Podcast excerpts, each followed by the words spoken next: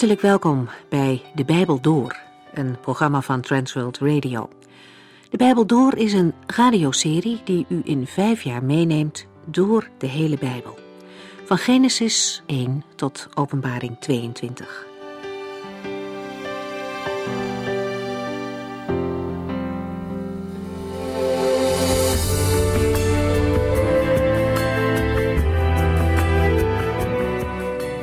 Inmiddels zijn we in deze serie De Bijbel door toegekomen aan nummer 16.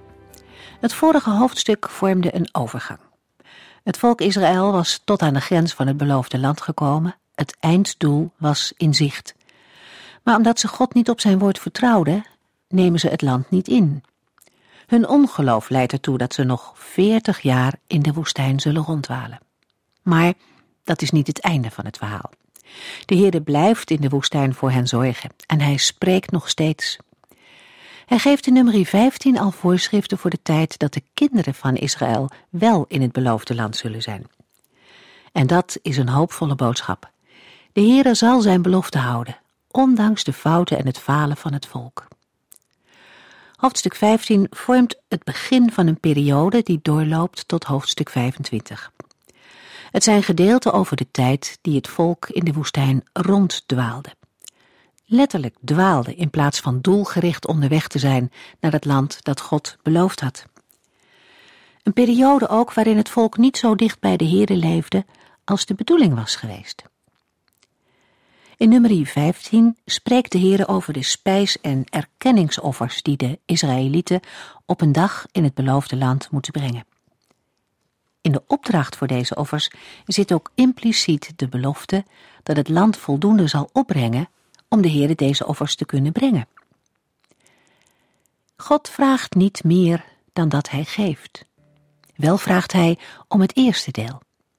Uit dankbaarheid voor de oogst komt het eerste deel de Heere toe. En dat herinnert de Israëlieten er ook aan dat ze afhankelijk zijn van de Heere die hen alles geeft. In het vorige hoofdstuk is verder nog gesproken over de offers die gebracht moeten worden wanneer iemand, of zelfs het hele volk, per ongeluk zondigt. Heel duidelijk wordt aan de voorschriften toegevoegd dat de zonde vergeven zal worden als de offers gebracht worden. We gaan nu verder met de crisis die in nummer 16 aan de orde is.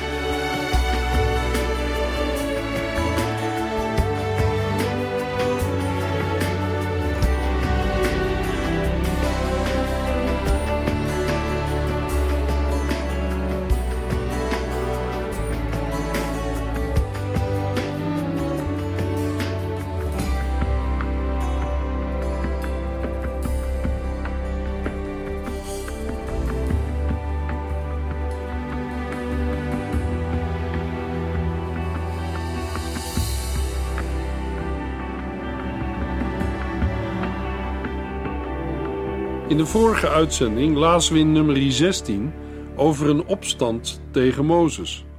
Korach met Datan en Abiram en 250 leiders van het volk die zitting hadden in de volksvergadering deden aan deze opstand mee. Vers 3 geeft het gezamenlijke motief van de opstandelingen. Ze zeggen tegen Mozes en Aaron: Welk recht heeft u om u boven ons te verheffen en van ons gehoorzaamheid te eisen? Nummer 16, vers 4 tot en met 7. Toen Mozes dit hoorde, wierp hij zich met zijn gezicht op de grond. Toen zei hij tegen Korach en zijn metgezellen: Morgenochtend zal de Heere bekendmaken wie van hem zijn en wie heilig is en hem als priester mag dienen. U, Korach en allen die bij u zijn, moeten morgenochtend vuurpannen nemen, deze aansteken en er reukwerk op verbranden voor de Heere. Dan zullen wij weten wie door de Heere is aangewezen. Laat dat genoeg zijn voor u, Levieten. Wanneer Mozes de aanklacht hoort, werpt hij zich voorover op de grond. Hij valt neer in gebed en vraagt God hulp om deze crisis op te lossen. Net als in nummer 14 en 17 gaat het hier om een gebedshouding naar de Here toe. Nadat Mozes is opgestaan, spreekt hij de verschillende groepen apart toe en probeert zowel de openlijke als de verborgen motieven te benoemen. Als eerste geeft Mozes antwoord aan Korach en zijn aanhang. Over Datan, Abiram en On wordt hier niet gesproken. Ze waren volgens vers 12 afwezig. Mozes zegt: Morgen zal de Heere bekendmaken wie de man van zijn keus is. Vers 5: Dan zullen wij weten wie door de Heer is aangewezen. De gemeenschap van Korach of Mozes en Aaron. Door te spreken over wie heilig is en hem als priester mag dienen, spitst Mozes de kwestie van het heilig zijn toe op de vraag wie het recht heeft als priester voor de Heere te verschijnen. Korach en zijn mensen zullen aan een test worden onderworpen. Ze moeten de volgende dag voor de Heere verschijnen met vuurpannen met daarin wierook. Naast nummer 16 vers 6 is het Hebreeuwse grondwoord voor vuurpannen op nog twee andere plaatsen een aanduiding voor pannen of schalen voor reukwerk. In Leviticus 10 vers 1 en Leviticus 16 vers 12. Nummer 16 vers 6 komt overeen met Leviticus 10 vers 1. Beide keren wordt er onaanvaardbaar reukwerk geofferd en is er sprake van privéschalen, geen servies dat bij de tabernakel hoort. De test zal bestaan uit een wierookoffer, een exclusief aan priesters voorbehouden taak. Dan zal de Heere zijn keuze bekendmaken tussen Korach en de zijnen en Aaron, zoals blijkt uit vers 16 en 17. Het gaat hier niet, zoals in nummer 5, om het ontdekken van een zonde door het brengen van een oordeel over de verdachte, maar om het inroepen van een goddelijke beslissing tussen twee partijen. Beide partijen pretenderen tot de Here te mogen naderen als priesters. Nummer 12. Vers 7. Dan zullen wij weten wie door de Heer is aangewezen. Dat wil zeggen, geschikt om de priester-middelaar voor Israël te zijn. Daarmee zegt Mozes: Niet wij gaan te ver, maar jullie gaan te ver, zonen van Levi. Zij hadden Mozes en Aaron verweten dat zij te veel de baas over hen speelden. Nummer 16, vers 8 tot en met 11. En Mozes vervolgde tegen Korach: Is het u te weinig dat de God van Israël u uit zijn volk heeft uitgekozen om dicht bij hem te zijn, wanneer u in de tabernakel van de Heere werkt en voor het volk staat om het te dienen? Is het u te min dat hij die taak alleen aan u als levieten heeft gegeven? Wilt u nu ook nog het priesterschap erbij hebben? Want dat is uw opzet. Daarom bent u opgestaan tegen de Heere. En wat heeft Aaron misdaan dat u ontevreden over hem bent? Mozes gaat in op de motieven achter de aanklacht van Korach. Hij vertegenwoordigt een groep levieten die zich verzet tegen het priesterschap van Aaron. Mozes erkent dat Korach en de zijnen door de Heere zijn aangewezen om te dienen in de tabernakel en voor het volk te staan om hen te dienen. Is deze positie voor jullie te onbelangrijk, vraagt hij, dat jullie nu ook het priesterschap opeisen? De kern en de tragiek van de opstand is dat deze levieten hun roeping zien als een privilege met macht en een bepaalde positie, maar niet als een roeping tot dienen. Door zo te doen wijzen Korach en de zijnen niet Aaron af, maar de Heere zelf. Want de Heere heeft de Levieten en ook Aaron hun plaats en taak gegeven. Nummer 16, vers 12 tot en met 14. Toen ontbood Mozes Datan en Abiram bij zich, maar zij weigerden te komen.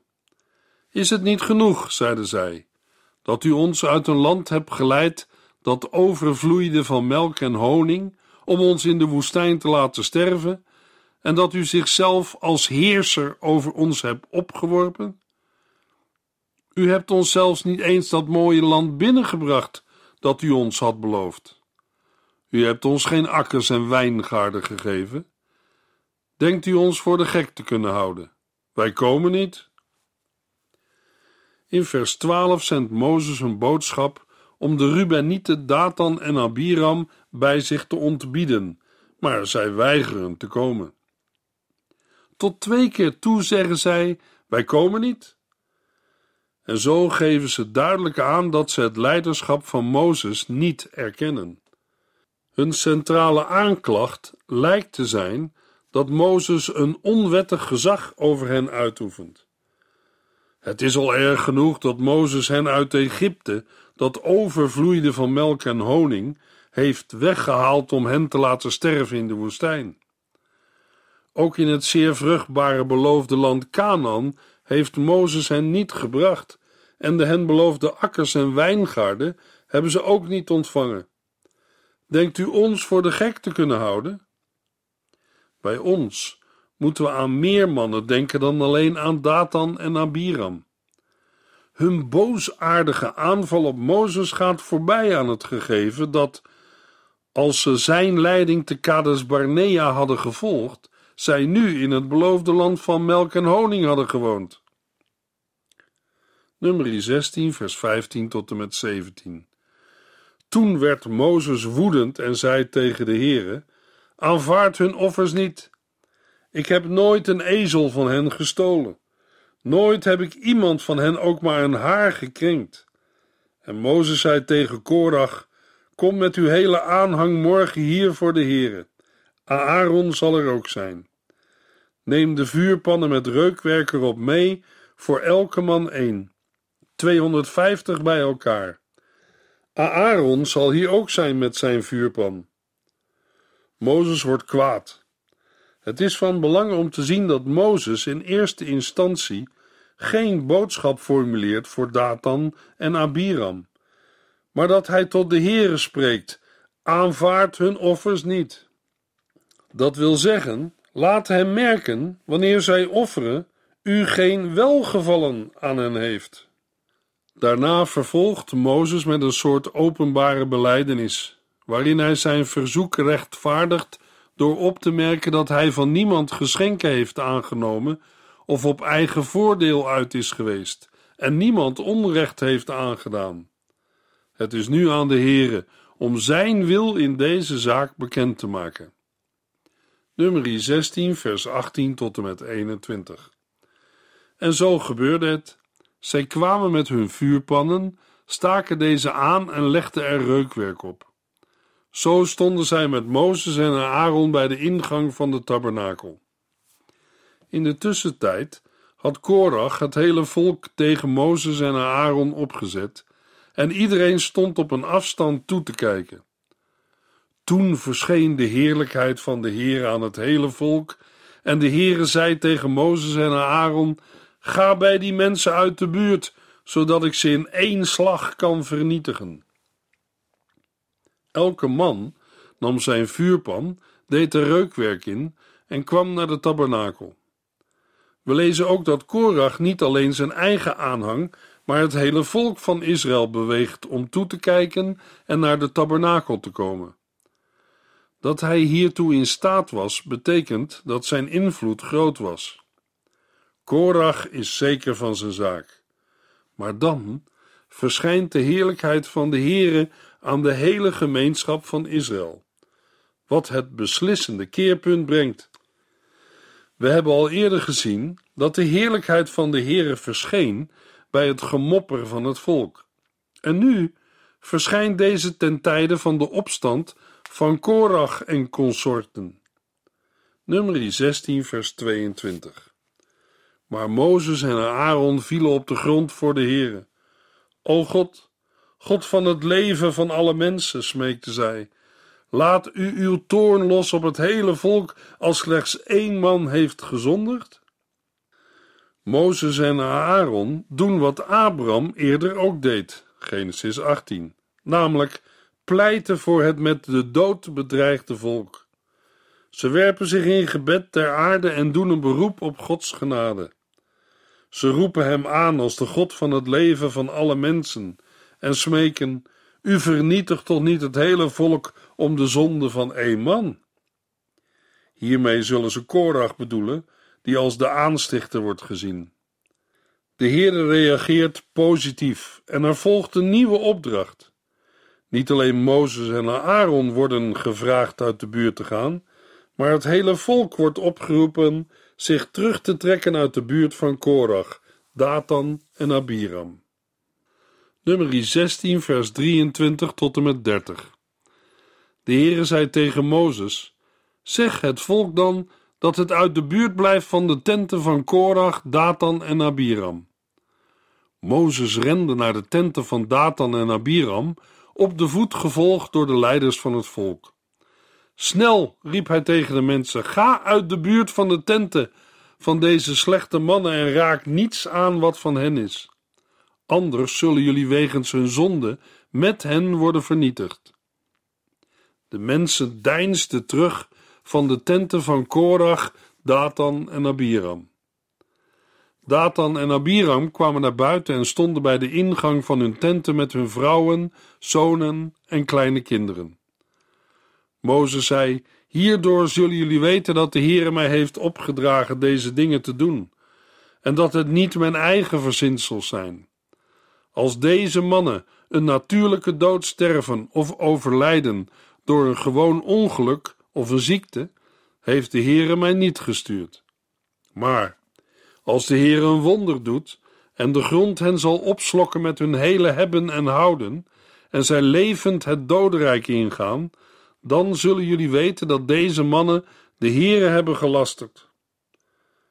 Het volk geeft gehoor aan het verzoek van Mozes en verlaat die plaats. Maar Datan en Abiram gaan samen met hun vrouwen en kinderen in een uitdagende houding voor hun tenten staan, klaar voor de confrontatie. Dan stelt Mozes ook aan hen een test voor, zoals hij dat eerder ook aan Korach deed. Opnieuw spreekt hij niet de mannen van de opstand aan, maar het volk, en zegt dat nu zal blijken of het de Heer is die hem als leider heeft aangesteld, of dat dit zijn eigen idee was. Als deze mannen een natuurlijke dood zullen sterven, zoals alle mensen sterven, dan heeft de Heere Mozes niet gezonden. Maar wanneer de Heer iets doet wat niet eerder is gebeurd, wanneer de aarde zal splijten en deze mannen met alles wat hun toebehoort levend zal opslokken, dan zullen jullie weten dat zij de Heer hebben gelasterd. Dat wil zeggen, hebben verworpen. Nummer 16, vers 31 tot en met 33. Hij was nog maar nauwelijks uitgesproken, of de grond scheurde onder hen open. De aarde opende zich en verzwolg hen met hun tenten, gezinnen, vrienden en alles wat zij bezaten. Zo gingen zij levend het dodenrijk in, en de aarde sloot zich boven hen. Ze waren verdwenen. De rebellen worden plotseling door een direct ingrijpen van God uit het leven weggenomen en verdwijnen, zoals Mozes had voorzegd, levend in het dodenrijk. De aarde sluit zich boven hen en zo worden ze uit het midden van het volk Israël verwijderd. Wanneer de Israëlieten die er omheen staan hun geschreeuw horen, vluchten ze allemaal weg, uit angst dat hun hetzelfde zal overkomen. Vervolgens wordt in vers 35 vermeld dat de 250 mannen die het reukwerk hadden geofferd, de dood vinden, doordat een vuur van de Heere naar beneden kwam en hen doodde. Na deze opstand, met de verschrikkelijke gevolgen en afloop, zou een mens denken dat het priesterschap van Aaron en het leiderschap van Mozes sterk in gezag gestegen zou zijn. Helaas laat nummer 17 zien dat er meer nodig is om Israël te overtuigen van de legitimiteit van hun leiderschap. In het Nieuwe Testament lezen we in Galaten 6, vers 7 en 8. Maak uzelf niets wijs. God laat niet met zich spotten. Wat iemand zaait, zal hij ook oogsten. Wie naar de oude menselijke natuur leeft, kan alleen maar dood en verderf verwachten. Maar wie door de Heilige Geest leeft, zal ervaren dat de Geest eeuwig leven geeft. De Heer oordeelt op precies dezelfde manier waarop de mens zondigt. Dat gold voor Jacob, voor Korach, Datan en Abiram. Het gold voor David en voor Paulus en het zal ook gelden voor u, jou en mij. Jaloezie en rebellie zullen door de Heere worden geoordeeld. In wezen is het de zonde van Satan. Jesaja 14 vers 14. Nummer 16 vers 36 tot en met 40. De Heere zei tegen Mozes, zeg tegen Aarons zoon Eleazar, dat hij de vuurpannen van het vuur haalt, want ze zijn heilig en aan de Heere gewijd. Het brandende reukwerk van de vuurpannen van hen die hebben gezondigd ten koste van hun eigen leven, moet hij ergens ver weg uitstrooien. Daarna zal hij van de vuurpannen een plaat maken die als mantel voor het altaar zal dienen. Want deze vuurpannen zijn heilig, omdat ze voor de Here zijn gebracht. De altaarmantel zal een gedenkteken voor het volk Israël zijn. Zo nam de priester Eleazar de 250 vuurpannen en sloeg hen plat tot een metalen plaat waarmee het altaar werd afgedekt. Het werd een gedenkteken voor het volk Israël dat een onbevoegde, iemand die geen afstammeling van Aaron is, niet voor de Heere mag verschijnen om reukwerk te verbranden. Zo iemand zou dezelfde straf krijgen als Korach en zijn metgezellen. Zo werden de opdrachten van de Heere aan Mozes uitgevoerd. Het waarschuwingsteken van de omgesmeden vuurpannen om een volgend debakel te voorkomen is nauwelijks gegeven of we lezen in nummer 16 vers 41 tot en met 50 dat de dag erop alweer een nieuwe opstand plaatsvindt. En nu zijn het niet bepaalde groepen binnen het volk, maar het hele volk Israël. Zij verwijten Mozes en Aaron dat zij het volk van de Heer hebben gedood. Dit verwijt is schaamteloos brutaal. De opstandelingen werden juist uit het midden van het volk verwijderd, en Mozes en Aaron hebben juist voor het volk gebeden toen de Heer het wilde vernietigen. De Heere God heeft zelf de opstandelingen gestraft. Wanneer het volk zich in de buurt van de tabernakel tegen Mozes en Aaron keert, zien zij dat de wolk de tabernakel bedekt. Ze zien ook dat de heerlijkheid van de Heere verschijnt. Dit laatste is buitengewoon. Er zal dan ook de reden geweest zijn waardoor hun aandacht wordt getrokken. Wanneer Mozes en Aaron naar de ingang van de tabernakel gaan, spreekt de Heer en zegt dat ze uit de buurt van die mensen moeten gaan. De Heere wil hen in één klap vernietigen.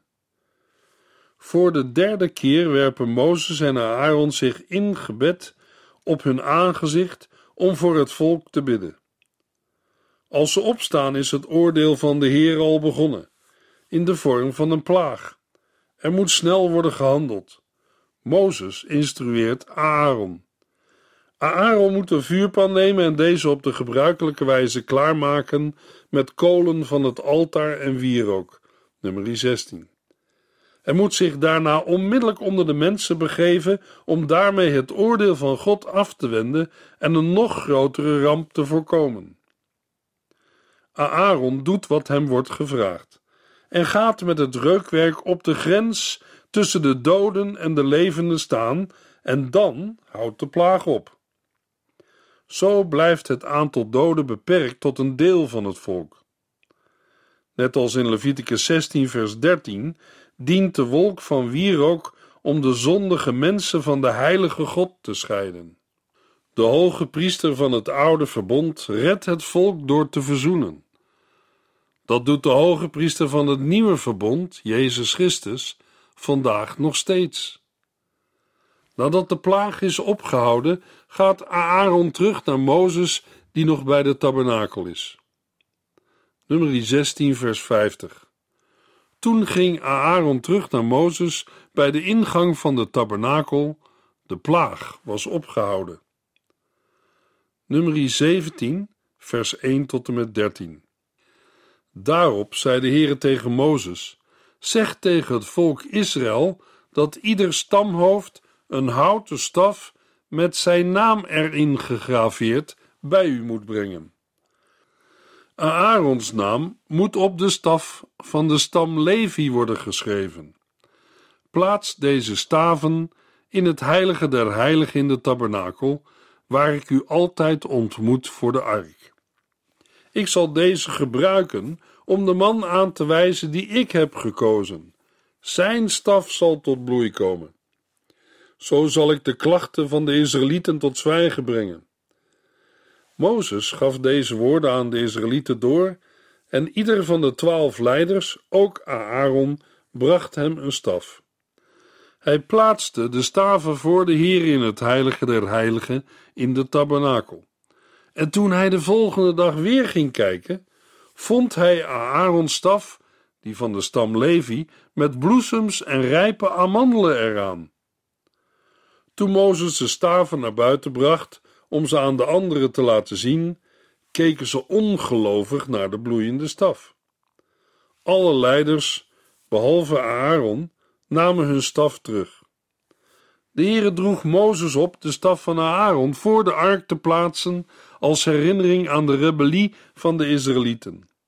Zo moet u een einde maken aan hun opstandigheid tegen mij, zodat ze niet sterven, zei de Heere. Mozes deed wat de Heere hem opdroeg. Maar de Israëlieten zeiden tegen Mozes: Wij sterven straks allemaal. Iedereen die in de buurt van de tabernakel komt, sterft. Moeten wij hier dan allemaal omkomen? Aarons priesterschap wordt bevestigd door zijn staf, die gaat bloeien. Aarons staf brengt knoppen voort met bloesems en rijpe amandelen. Leven uit de dood. Aarons staf is de volmaakte illustratie van de opstanding van Christus. Ook van Christus geldt dat hij zichzelf niet heeft uitgekozen om hoge priester te worden. God koos hem. Hebreeën 5, vers 4. De bloeiende staf beantwoordt definitief de vraag naar het priesterschap van Aaron. Aarons staf was een van de drie voorwerpen die in de ark van het verbond werden bewaard. Hebreeën 9, vers 4. De ark was aan alle kanten met goud bedekt. In de ark lagen de stenen plakettes waarop de wetten stonden, een gouden pot met manna en de staf van Aaron die gebloeid had. De stenen plakettes waarop de tien geboden waren geschreven, een pot manna en de staf die bloeide, werden binnenin de ark van het verbond in de tabernakel bewaard. In de volgende uitzending lezen we nummer 18 en 19.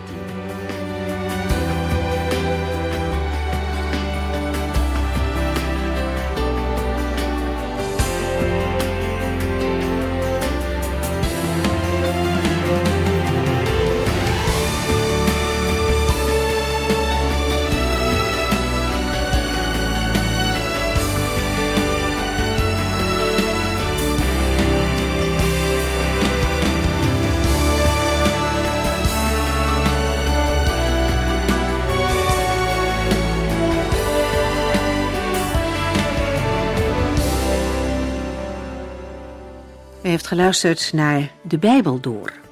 In het Nederlands vertaald en bewerkt door Transworld Radio. Een programma waarin we in vijf jaar tijd de hele Bijbel doorgaan. Als u wilt reageren op deze uitzending of u heeft vragen, dan kunt u contact met ons opnemen. Tijdens kantooruren kunt u bellen op 0342 47 8432. 0342 47 8432. 32. Ook kunt u een e-mail sturen naar de Bijbel door transworldradio.nl en natuurlijk kunt u ook via de post ons bereiken.